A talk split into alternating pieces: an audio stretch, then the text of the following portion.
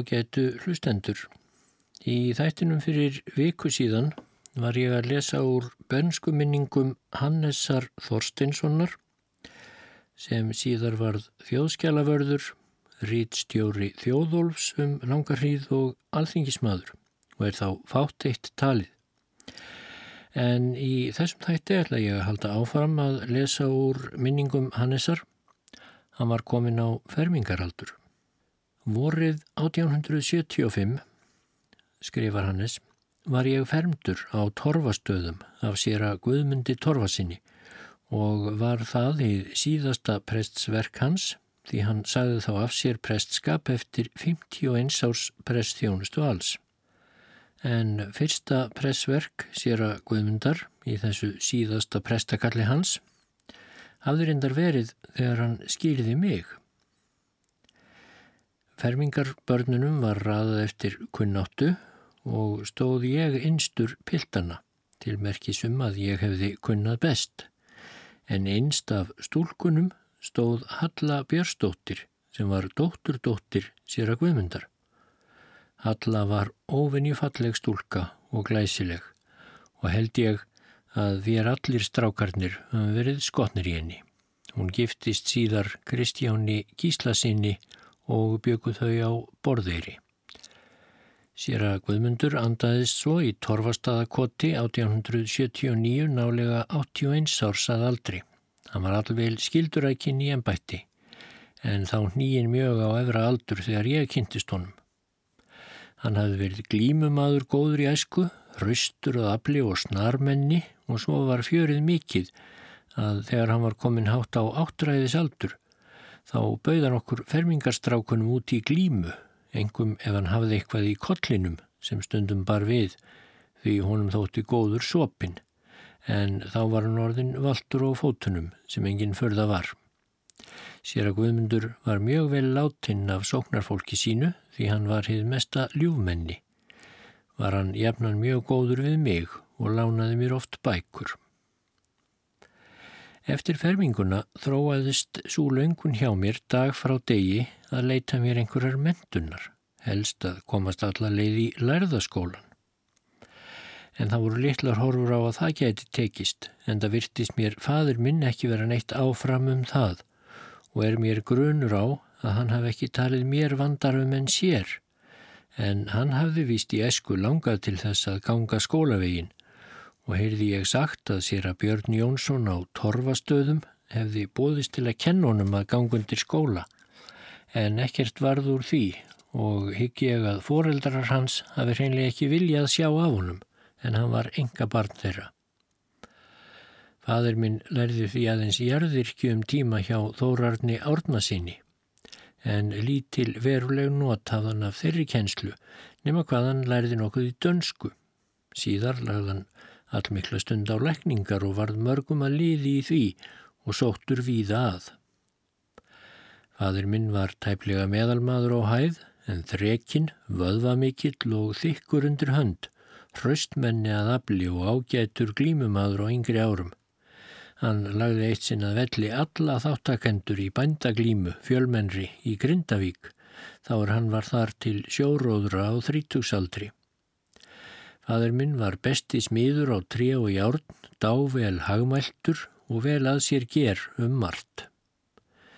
En vonbreyði æsku árana að hafa ekki fengið að ganga mentavegin sem og erfið lífskjör munu hafa gert föður minn fálátan og kaldlindan hverstagslega svo að hann hafi minna ástríki af börnum sínum en ellamundi.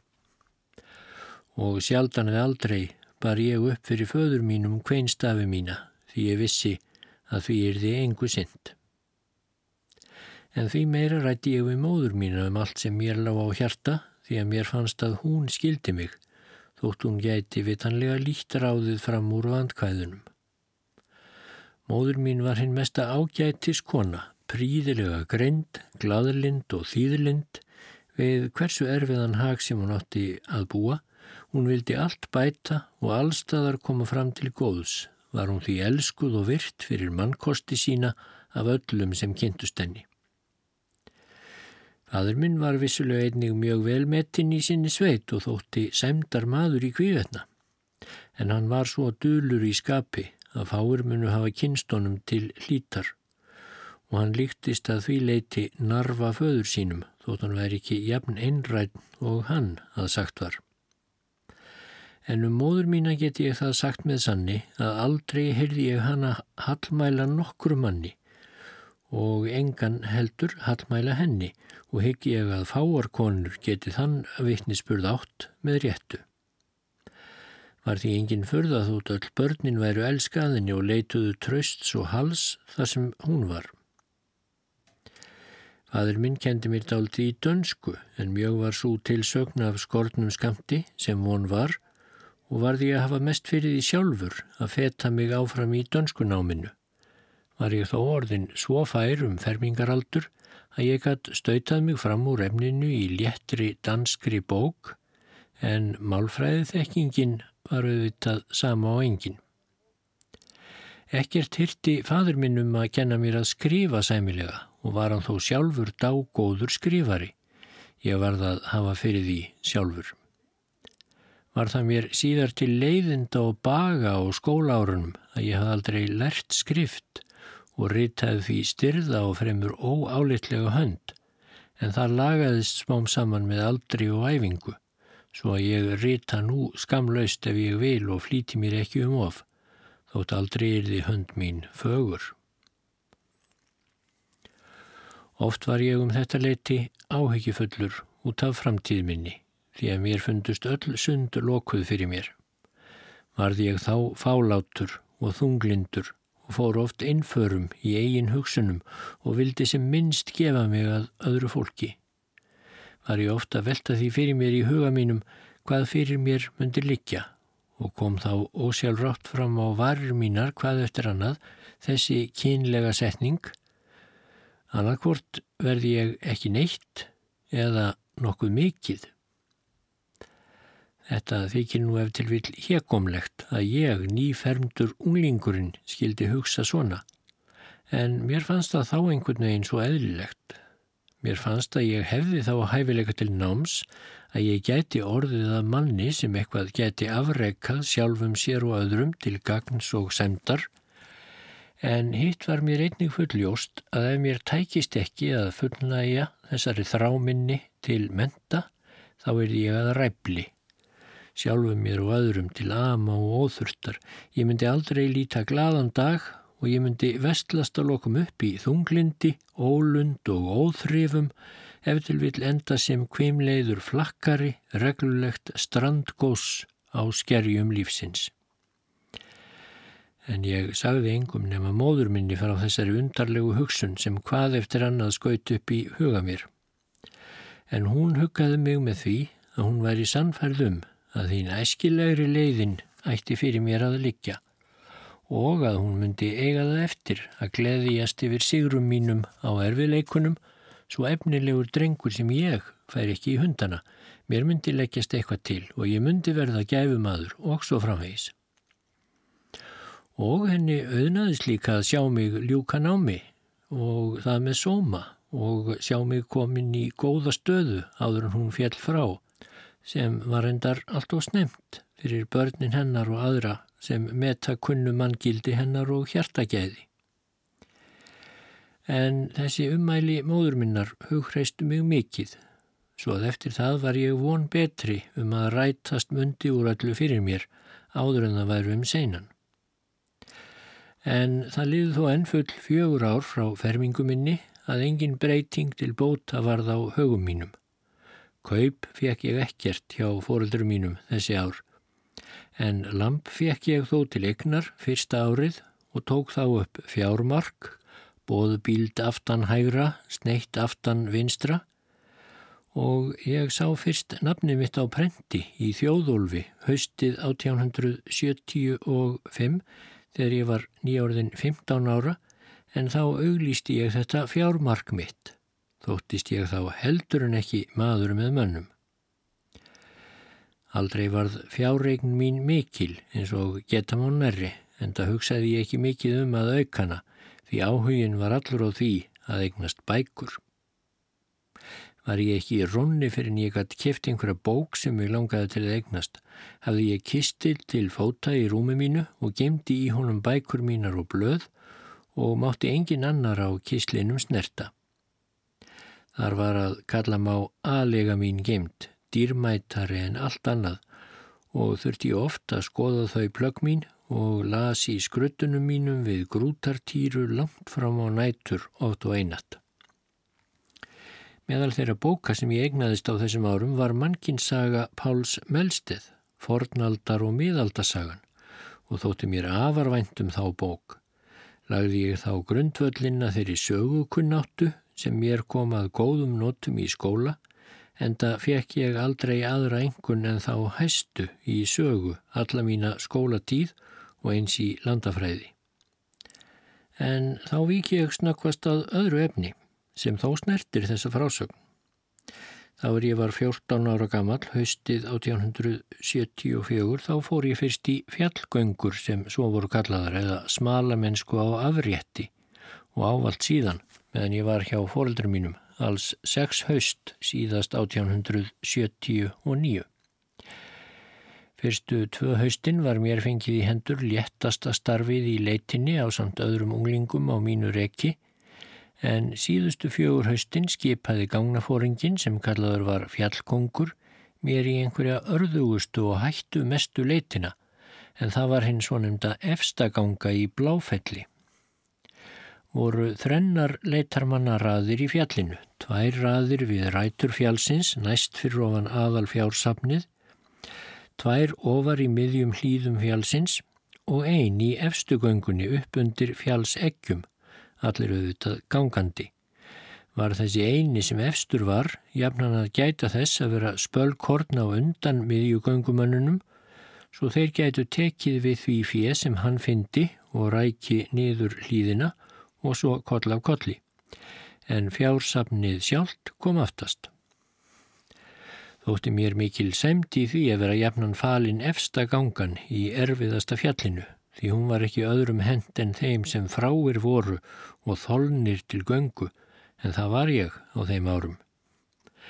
Var ég jafnan snöggklættur á göngu því að maður fekk stundum að hitta sér þegar maður hitti sögði í skjerra sem ekki voru ávalt á því að láta reka sig niður úr fjallinu heldur tóku strikið upp á við svo langt að þeir komist upp í efstu eggjarnar og þvert úr leið aftróbak og tafðist maður oft við þann eldingaleik en aldrei man ég þó eftir að ég misti af nokkur í kind eða kemið þeim ekki að lokum rétta leið niður eftir fjallinu.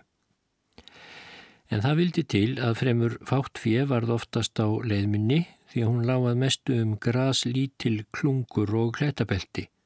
Íld veður hrefti ég stundum svo ofarlega í fjallinu þótt dágott væri ég vel í neðra En sérstaklega man ég eftir því eitt haust að á mig skall ösku bílur og fann koma þegar ég var nýkomin í gönguna.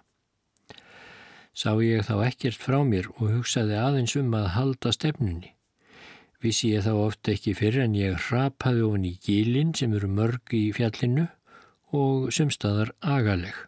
Var þetta því hinn mesta hættu för í slíku veðri en það vildi mér þó til haps að öll gíl og gljúfur voru þegar orðin hálf full af lausasnjó, svo að mjúkt var undir þegar ég kút veldist ofan í þau, svo að ég slappað mestu ómeittur úr þessari svaðil för, en þeir sem voru í hinum göngunum hreftu miklu betra veður og voru auk þess tveir saman. Voru þeir orðinir mjög hrættir um að ég myndi villast eða rapa til bana í þessu blind kavaldi þar efra og þóttist mig því úr helju heimt hafa þegar ég byrtist á ný. Engin lifandi skeppna varð á leiðminni í það sinn en það hefði ekki verið tiltökað eldast við fjö í því veðri og hefði ég sjálfsagt vilst fljótlega því ég sá ekkert af augum fyrir hríðinni. Í júnimánuði 1874, þá er ég var enn á 14. ári, þá fór ég fyrst lestaferð söður í Hafnarfjörð með bóndæginum úr nágruninu. Hann hétt Vigfús Ófeksson og bjó í Tortu, hjálegu í túninu í Haukadal. Þá erum við mættum ferðamönnum á leiðinu og spurt var hvaðan við værum, hvaðast Vigfús vera frá Haukadalskoti. Hann vildi ekki nefna Tortu. Vigfús var bláfátækur, átt mikið hrossakjött og var á sveit en það ómaga maður. Ég var þá orðin bakkatækur á léttar klifjar og þess vegna fór ég með. Í hafnarfyrði þóttu mér nýstárlegt um að litast og kaupmannabúðirnar þar síndust mér hinnar veglegustu hallir. Flestir austan menn úr efri hluta árnisíslu versluðu þá nær engungu í hafnarfyrði en aðeins fáir í Reykjavík. Fadur minn verslaði mjög lengi við Linnett gamla kaupmann. Hann var vist góður karla mörgu leiti, ístrumægi mikill og önuglindur, svo að ekki tjáði að skipta orðum við hann, þá var hann var í því horninu. Þá var síður þar í hafnarfyrðið að minnstakosti að búðum var lokað meðan kaupmaður og vestlunar þjónar hans voru að snæða eitt til tvo tíma í senn og urðu ferðamenn að hýma aðgerðar lausir á meðan.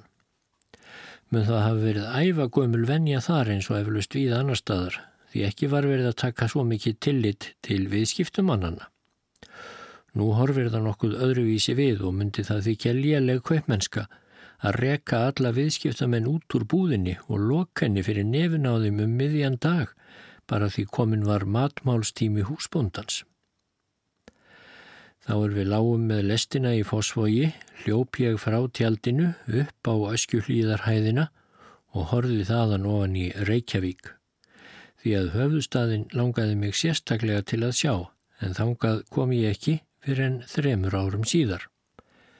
Ímsar vennjur sem nú eru hornar úr sögunni týðkuðust í sveitinni í eskuminni fyrir 50 til 60 árum en til þess að rita nokkuð um það efni sem markværi að skortir mig nægan kunnuleika og mun því sleppa því að mestu. Þó get ég ekki stilt mig um að minnast á eina vennju er algeng var á þeim árum að minnstakosti víðast hvar austanfjáls en það var nætursláttur í túnum, var það kallað að vakna í túnið og var fólkið í því að menn fóru á fætur til sláttar í túnunum um klukkan 1 til 2 á nóttunni, ekki aðeins í þurkatíð til að nota morgundökina, heldur hvernig sem viðræði, jafnvel þótt helli rigning væri. Svo var venja þessi orðin föst og hefur víst verið æfa gömul þar eistra. Var það mjög hart aðgöngu fyrir unglinga að vera ripnir upp ör þreyttir og nánast nýsopnaðir eftir aðeins tveggja til þryggja tíma svefni í hæsta lægi. Man ég oft eftir því að ég stöylaðist hálsofandi út í tegin og stifti þá stömpum svo að segja um hverja þúfu áður en ég komst að orfinu og gatt byrjað að slá. En fullorna fólkið sem þessu höfðu vanist á sínum æsku árum, það var ekki vorkunlátt við unglingana í þessu. Þóttu mér þessi næturvinna sem ég var settur í eftir ferminguna hálfu verri en hinn örðugasta smalamennska sem ég hafði áður haft á hendi og gæti aldrei felt mig við þau vinnubröð og svo mun hafa verið fyrir flestum unglingum á mínum aldrei. Að vísu var sofið á daginn frá klukkan 12 til 3 en það var aldrei nægilegu uppbót fyrir nætursvefnin. Það minnst okkur ekki fyrir okkur unglingana sem þurfa að hafa óskiptan, samfeldan svefn og rækilega kvíld en hana fengum við aldrei með þessu lagi. Það minnst okkur átti ég oft erfitt með að sopna á daginn vegna ofþreitur hreinlega.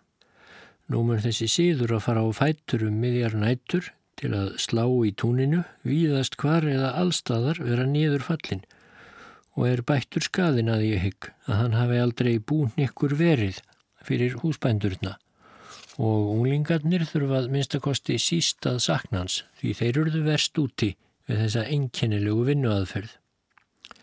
Hinn afar langi vinnutími sem áður þótti sjálfsagður um sláttin mun nú vera orðin stittri en fólkið gera samt jafn mikið gagn eða jafnvel meira en áður. Þegar það var látið hanga við verk myrkrana á milli 16 til 17 klukkustundir á sólaring eins og títt var víða í mínu ungdæmi, þar sem ég þekkti til að minnstakosti.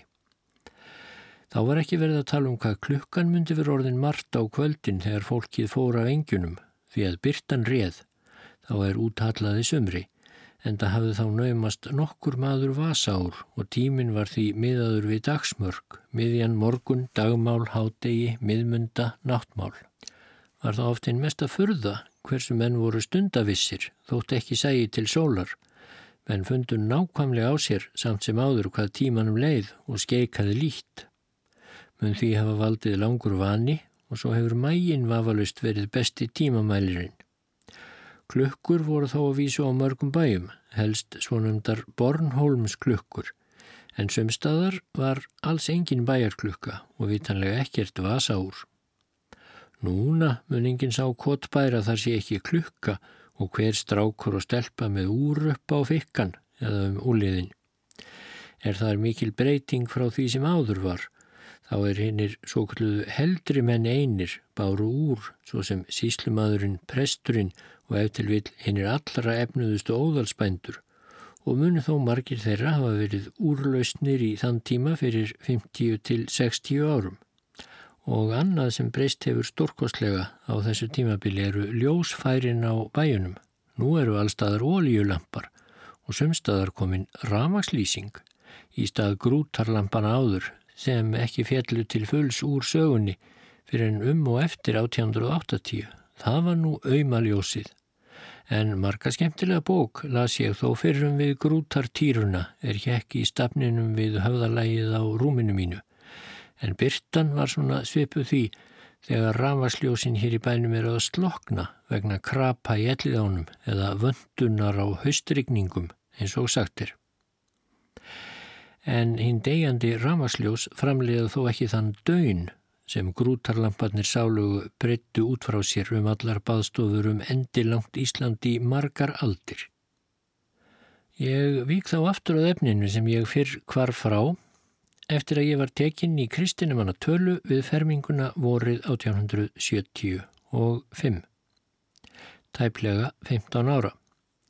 Hafði ég þá litlar vonur um að mér tækist að komast til náms, en það var afráðið að ég skildi fara til sjávar veturinn eftir og varði ég að sætta mig við það, þótt mér segði ítla hugur um sjómennskuna.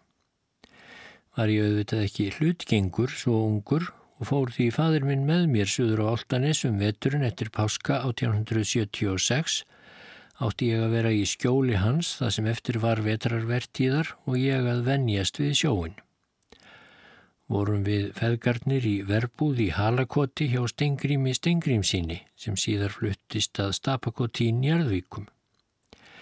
En lítið var um sjóferðir mínar í það sinn, því ég kom staðins einu sinni á flott til að veitja um hrokkjálsanett hafði ég verið fá eina daga í halakoti þegar ég lagðist í mjög þungri taugaveiki af ofkælingu og byrjaði hún með því að ég svaf samfleitt þrjá sólaringa svo að ég varð ekki vakin en var með óráði miklu lengur eftir ég vaknaði. Hugðu þá fæstir mér líf.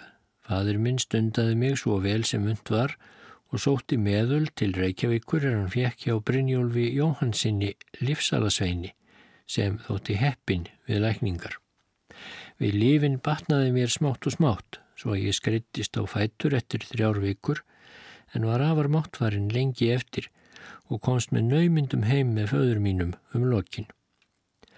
Bjó ég lengi að legu þessari og fannst mér að ég hefði þá tapað minni til muna, eins og vera mun reynsla flestra sem í taugaveiki hafa leigið. Raunar þarf ég ekki að kvartum að ég hafi slæmt minni því ég má segja að ég hafi haft það mjög gott en það er ég sannfærið um að það hefði þó verið enn betra ef ég hefði ekki fengið þetta áfall svo ungur. Á leiðinu austur heiti fadur minn sér að Þorkjell Bjarnason sem þá var prestur á Mósfelli í Mósölsveit.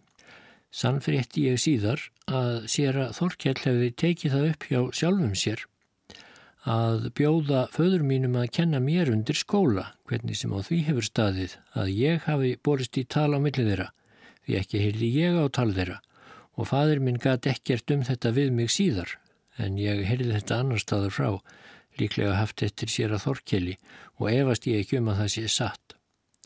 En fadur minn mun hafa talið öll tormerki á því að geta kostað mig til náms, sem að vísu var satt, en ef hann hefði haft nógu sterkan áhuga á því, þá myndan hafa getað reyndað að minnstakosti. En ég var heið elsta og enþá einasta barn hans sem komið var til nokkurs þroska og því líklegastur til að verða foreldrunum til styrtar sem vinnumadur þeirra sem skildur væri til að vinna hjá þeim kaup lítið eða alveg kaup laust. Og það hygg ég að hafi verið höfuð ástæðan til þess að fadir minn let sér lít andum að styðja mig til skólanáms. Auk þeirrar ástæðu sem ég hef áður minnst á að hann hafi ekki sjálfur fengið fullnægt námslöngun sinni á æsku árum vegna foreldra sinna og segi þetta ekki föður mínum til njóðs heldur til að sína að svona var fyrir um hugsunarháttur margra eða jáfnvel flestra foreldra í bændastjett gagvart mentun barna sinna að bókvitið erði ekki í askana látið og að eigin stundarhagsmunir foreldrana skildu teknir framfyrir óskir og framtíðar vonir barnana. Og verði ég að segja að þetta var að mörguleiti eðlilegt frá sjónarhóli foreldrana. Næsta vetur 1877 var ég heima og fór ekki til sjávar, þvert og í það sem fyrir hafði verið ætlað. Frá þeim vetri er mér sérstaklega minnistæður hinn svo nefndi páskabilur sem stóð heila viku samfleitt svo að aldrei rofaði til og frostharka var þá all mikil. Þá var það á annan í páskum sem Hákon Bjarnason, kaupmaður og bíldudal, varð úti á Myrdalsandi Man ég aðeins eftir öðrum bíl svipuðum sem var fjórum árum fyrr á 1973, hann stóð skemur en frostharkan þá var meiri eða allt onni 23 stig á Celsius. Þá rækti fjö frá mörgum bæjum, þar á meðal frá beitarhúsum föður míns en frá því hef ég áður sagt. Í páskabilnum 1877 stóð fjenaðurinn Mál Þóla í beitarhúsum alla vikuna sem bílurinn stóð, að minnstakosti á öllum efstu bæjunum í tungunum, því ekki var viðlit fyrir nokkund mann að leggja út í þá moldtríð nema til húsa þeirra sem næst stóðu á túnunum sjálfum og þurftum en þó að leggja sig í lífsættu við það. Ég var þá einn heima með móður minni og yngri í börnunum því að fadur minn var þá í slókferð söður á Eirarbakka og varð veður teftur í bylnum. Man ég eftir að þetta var íll og örðug vika fyrir okkur og heið versta var að heigarðurinn fór allur í kafundir fönn svo að öll heiskjól fylltust og heikrókur náðist engin. Urðum við, móður mín og ég, því að moka hólun niður að heginu og reyta það með höndunum í þessum mold öskubíl til að ná í einhver stráhanda kúnum því mjölkin úr þeim var þá nálega eina lífsbjörgin á heimilinu. En svo bættist það ofan á að aðfenni var svo mikið af fjósinu að gangur inn að dýrunum fylltist af snjó hvað eftir annað en gangur þessi var mjög lágur svo að erfitt var að móka frá. Dáist ég að þreki móður minnar hvað hún var þólinn við þennan sífælda mokstur en auðvitað gerði ég það sem ég gatt til að kvíla hana. Tvö fjárhús fóru langt frá bænum, annað lengst norður í brúarheiði þar sem ærnar voru en annað nær, lampús, miðja vegu, milli hins og bæjarins. Mun láta nærrið að vegalengdin frá bænum til þess fjárhúsin sem fjær var hafi verið eins og hérðan úr miðbæ Reykjavíkur upp að Árbæ eða ríflega þó. Þangað var alls ekki tiltök að komast í slíku vittlausu veðri en þá er bylnum slotaði ofurlítið á sjött eða sjöunda degi svo að endurum og sinnum rofaði fyrir sól þá treystum við móður mín á fremsta hlunn og lögðum að stað út í bylinn til að reyna að bjarga lömpunum í húsinu sem nær var bænum en heilaða var við það hús svo við þurftum ekki að fara ángað með heihandaðim. Var veðrið enn mikið og beint í fangið en við móður mín leitumst og skildum andlitinu með rekunum. Hafðum við ekkert til að átt okkur eftir því allt var einn fann breyða en það hjálpaði að við sáum stökusinnum til sólar. Lamphúsið stóð framann í brekku og var það til þess að við fundum það því að þá er við urðum þess vöra við sóttum á brekku og höfðum reiknað út að við hlítum að vera komin nálagt húsinu, þá námum við staðar og sáum þá bóla oflítið á mænin á húsinu, alveg við fætutna okkur. og þótt okkur það einkennileg tilviljun að við skildum einmitt hitta svona beint á húsið því alveg var slétt fram að því og allt komið á kaf nema þessi hámænir húsins. Urðum við síðan að mók okkur hólu niður með framstafninum ofan að dýrunum og svöngur og lampa tetri norðin en ekkert var þó dögt. Í hitt fjárhúsið sem fjær var treystum við okkur ekki og fór ég þanga degi síðar þá er bylnum var nærri slotað. Förðar mig mjög á kjarki móður minnar að hún skildi leggja út í þetta veður því þar var mjög telt á tvær hættur. Á næsta bæ, kjóastöðum, voru karlmenn heima en samt stóðu ærnar þar mál þóla alla þessa páskabils viku og var þó litlu lengra í það fjárhús frá bænum heldur en í lampúsið okkar. Svo að af því má sjá að ég hef engar íkjur farið með um harð viðri þetta, er ég hef verið svo fjöl orður um því að erfiðleikar okkar móður minnar mótuðust þá svo djúft í minni mitt að ég gleymi því aldrei og getur þetta verið lítið sínisorn þess hvað fólk til sveita á við að stríða í vetrar hörkum og hversu varúðarvert að er að ætla konun einni og óþróskuðum börnum að annast alla skeppnuhyrðingu á vetrum því að ávalt getur slíkt íhlaup komið sem þetta í harðindasveitum enda þótt áliðið sé vetrar eins og þá átti sér stað því að þessi grimdar bylur var á miðjum einmánuði. Haustið 1877 í november kom ég fyrsta sinn til Reykjavíkur og þótti mér þar all skemmtilegt um að litast, þótt ekki hefði bærin jafn mikil áhrif á mig eins og fyrst er ég kom í Hafnarfjörð. Ég var þá orðin staðráðin í að læra einhverja handiðin, heldur en ekki neitt úr því ég taldi víst að aldrei erði neitt úr skólanámi mínu. Hafði ég oft minnst á þetta við móður mína og hvaðast ætla að koma mér sjálfur fyrir í Reykjavík til að læra bókband. Það leist mér best á því þá var ég ekki vitrar en það að ég held að þá geti ég lesið bækurnar, þá fengi ég nóg að lesa.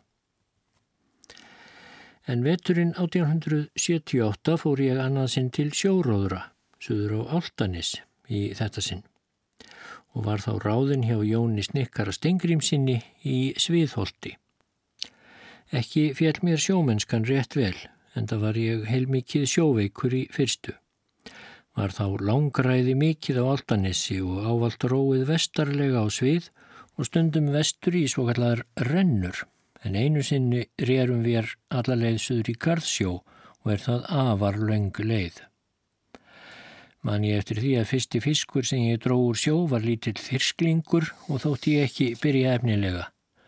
En þá greip formaðurinn fram í og saði mjór er mikils vísir. En það var ekki sannmæli sem betur fyrr og hef ég aldrei öfundað sjómenn af atvinnu þeirra og hefði mér síst það hlutskipti kosið að stunda sjóróðra fram á elli ár. Ekki var mikið um bókarament á Altanissinu í þann tíð. Sást valla bók á nokkurum bæ nema algengustu húslestrarbækurnar. Þó var það einn bondi sem átti mikið og gott bókasafn en það var Björn Björnsson á breyðabólstöðum. Engin almúgamaður þar komst í hálfkvisti við hann um bókaegn. Já, Grími Tomsen á Bessastöðum og sér að þórarni prófast í görðum var vitanlega gnótt bóka. Þó mun bókasafn Gríms hafi verið meira útlend en erlend. Ég hafði orð á því við skipsfélaga mína í Svíðholtu um vetturinn að ég ætlaði að heimsækja Grím Tomsen og byði hann að lána mér Konráðs orðabók. En þeir brostu í kampin og sagði að það skildi ég endilega reyna en ég myndi þar eflaust fara hinn að mestu sneipu för og fengi líklega ekki að ná tali af kalli hvað þá heldur meira. Ég sagði að ekki digði að láta ófreistað og fengi ég aldrei annað en afsvar. Eitt morgunin skömmu fyrir páska, þá er ekki var útleit fyrir að róið yrði um daginn því að veður var all kvast, gekk ég því að bestastöðum og gerði bóð fyrir húsbóndan hvað stega erindi við hann og vera sjómaður í sviðholti. Kom þá grímur fram í dyrnar nokkuð gneipur og glotti við tönn. Þótti mér Karl fremur svipharður og ekki góðmannlegur. Ég heilsað honum en hann tók lít undir það og spurði nokkuð harkalega að hvað vil maðurinn, vil hann selja grásleppu? Ég tjáð honum erindi mitt að ég væri að reyna að komast áltið niður í dönsku og ætlaði að byggja hann um að lána mér Konrads orðabók nokkur tíma. Þá ránkvóldust allt í einu augun í kalli svo að kvít mataði í þau um leið og hann virtist vöðla tungunni einhvern veginn svo undarlegi gómnum og hann saði allbyrstur ég lána aldrei bækur því sjómennir hafi annað að gera en liggja í skröttum því þeir það stunda sjóin en veri ekki að slæpast á aðra bæi í besta sjóveðri. En þá var veður reyndar tekið að ligna og að því búinu skaustan inn og varði ekki af hverjum en ég þóttist líkt erindi fegin og gekk út að breyðabólstað ef vera kynnið að Björn Bóndi yrði blíðari ákomu. Var mér vísað þarinn í stofu og var hún öll full af bókum, flestum gildum á kjöl og hafði ég þá hverki séð jafnfallegt bókasafn áður. Þá er ég var nýsestur, kemur Björn inn með asa allmiklum og segir stundarhátt, það er komið logn út í hafsauga og allir rónir. Ég spratt upp skjótt, þauðt sem kólfi væri skotið út úr dyrunum að hans að bera upp nokkur dyrindi og hljóp ég svo sem fætur tóguður söður að sviðholti og ofan í fjöru.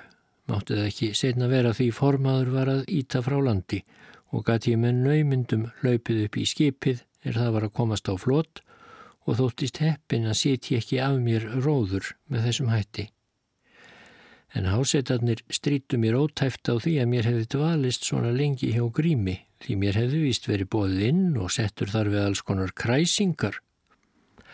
En þeir þekktu svo að háttu gríms að þeir vissu að slíkt gatu auðvitað ekki komið til mála þóttum virðulegri gesti væri að ræða en fátæklega klættan útróðrarpild.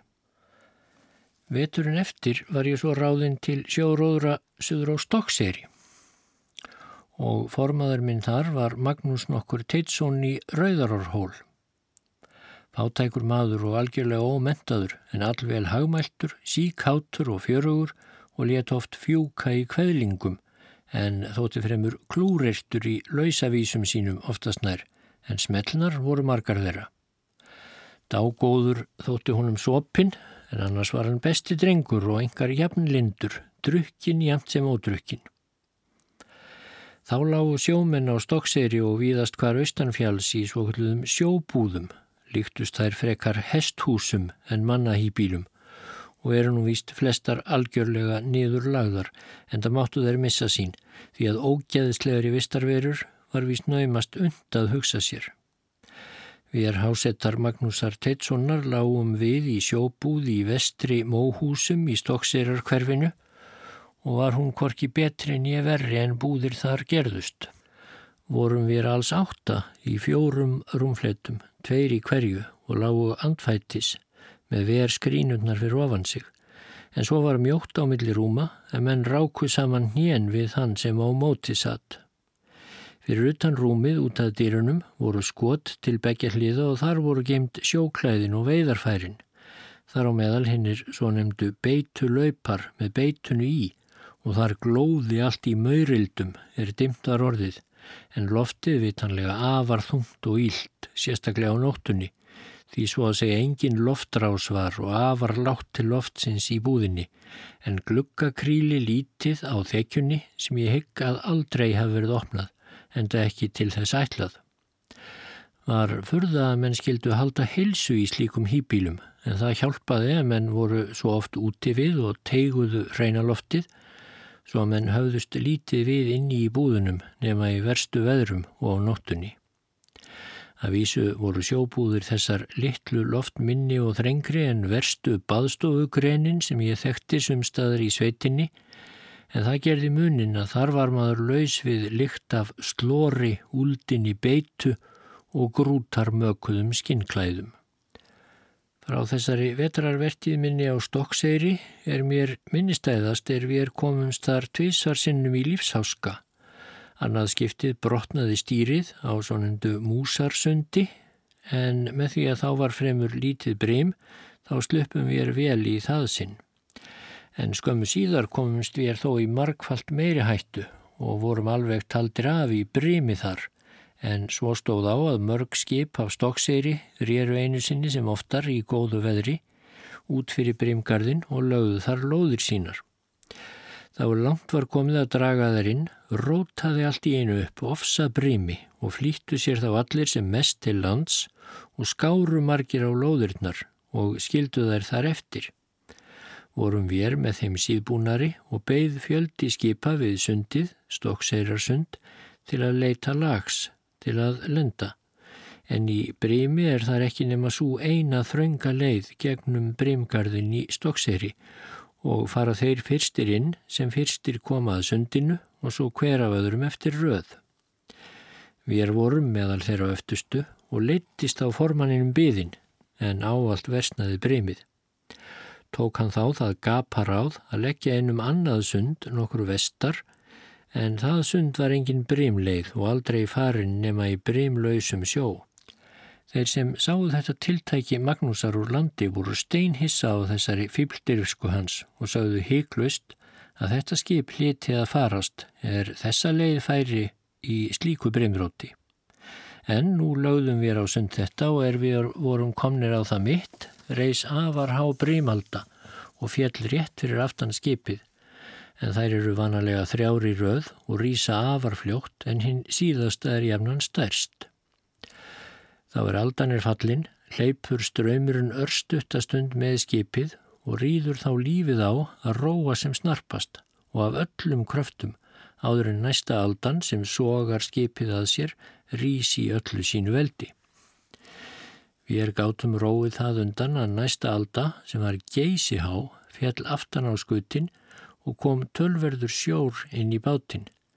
En þá vildi það slýst til að ein árin brotnaði því að ræðarinn hafði ekki gætt þess að kipinni inn þá er aldan skall á eins og ávalt verður að gera í brími því annars getur aldan möll brotið árarnar allar.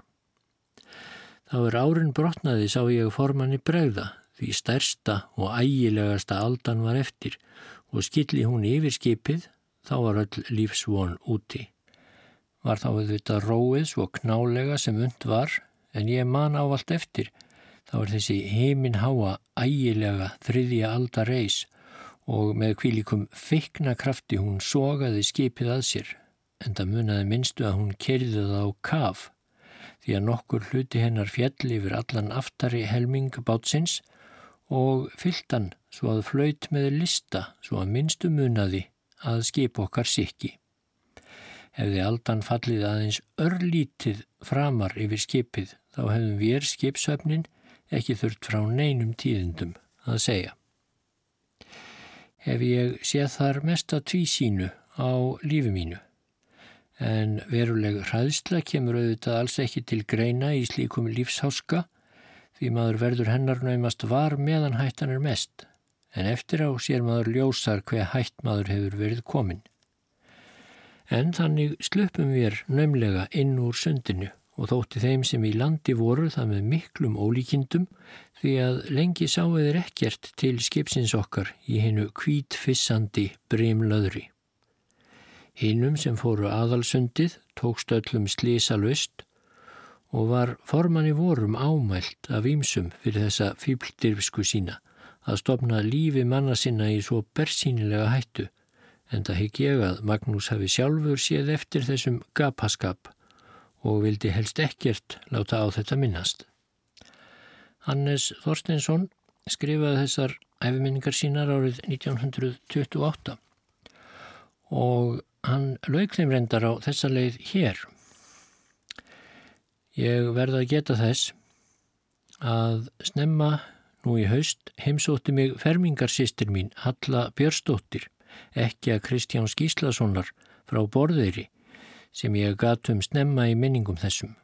Þóttu mér væntum að sjá þessa esku vinkonu mína því við höfum ekki sést nema einu sinni síðan hún var um tvítugt, það er á tæpum 50 árum. Var það skömmu eftir síðustu aldamót er hún kom hinga til Reykjavíkur snakka ferð með manni sínum og komu þau þá til mín, ég heimsókn. Var hún þá enn glæsileg og helt allvel æsku blóma sínum, þótturumlega fertug væri þá. En síðar byðu höllu þungar raunir, geðveiki mannsennar er láð þunglega haldin árum saman, Svo hún saði mér að sjö ár samfleitt hefði hún ekki farið af föttum og sjaldan sofið værand úr. Var því ekki að förða þótt henni veri tekið að nigna að ytra útliti 67 árað aldrei eftir alla þessa erfiðleika. En það virtist förðu mikið eftir af henni samt, en það hafði hún haft af miklu að má. Er mér alveg vansalust að segja að hún var 15 til 20 óra gömul, glæsilegasta stúlkan sem ég hef séð á þeim aldri. En oframfærni mín þá og kúað uppeldi voru þessu aldandi að Halla vissi aldrei þá hversu mikla tilbeðslu ég hafði á henni.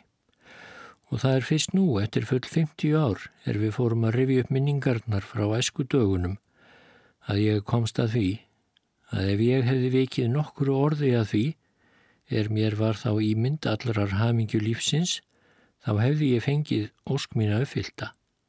En það orð var aldrei sagt, ég sagði aldrei neitt og hún fluttist úr áttugum sínum siðra um tvítugt og norður í land. Kom aldrei hinga til Reykjavíkur meðan ég var í skóla, svo við hittumst aldrei hér, en hún giftist ekki fyrir þremur árum eftir að ég kvæntist og þó hafði hann ekki skort byðla. En svona leku örlögin okkur og var það vafalust fremur mín sök en hennar. Ég hefði ekki minnst að þetta hér, Ég hefði látið þetta lendarmál um fyrstu og varanlegustu æsku ást mína fara með mér í gröfina ef ekki hefði viljað svo ofennilega til að við, eftir 50 ár, skildum fyrsta skipti láta upp í hug okkar hvort til annars frá bernsku dögum okkar. Það er eflaust harla fákjætt, ég vil í skáldsögum. Halla ásakaði mig fyrir að ég hefði jefnum þagað og aldrei látið uppi það sem mér bjóð þó svo rykt í huga en ég reyndi að gera henni skiljanlegt að ég hefði tygnað og tilbeðið hana sem eins konar giðju og mér hefði reynlega ekki komið til hugar að hún myndi líta við mér og þess vegna hafi ég borið harminn í hljóði, talið hana svo langt fyrir ofan mig þá. En það taldi hún hérna mestu fjärstæðu því hún hvaðast hafa verið stolt af fermingarbróður sínum er fréttir tóku að berast um það hversu vel mér gekk í skóla þegar ég fekk loks að læra. En meinið var að við hittumst aldrei á þeim árum og tjáur ekki að sakast um það. Kom okkur saman um að við hefðum bæði farið mikil sá mis og æfi okkar begja orðið ánægulegri og hamingjusamari ef okkur hefði auðnast að lifa saman og eru alla líkur á að svo hefði orðið. Við kvöttumst um síður bæði klökk í huga og ég þakk henni fyrir þessa heimsókn og alla innlægni og trúfesti allt frá æsku dögum okkar begja í tungum fyrir meira en hálfri öld. Og minningin um hana er nú eins og bjart aftanskína á æfikvöldi mínu því nú veit ég að það sem ég þráði mest í æsku draumum mínum var til þess að þroska mig í reynslu skóla lífsins og gera mig móttækilegan fyrir allri fegurð hvar sem hún byrtist þótt ég höndlaði ekki hnossið eða þá hamingju sem ég taldi þá hennar mestu er mér gæti hlotnast.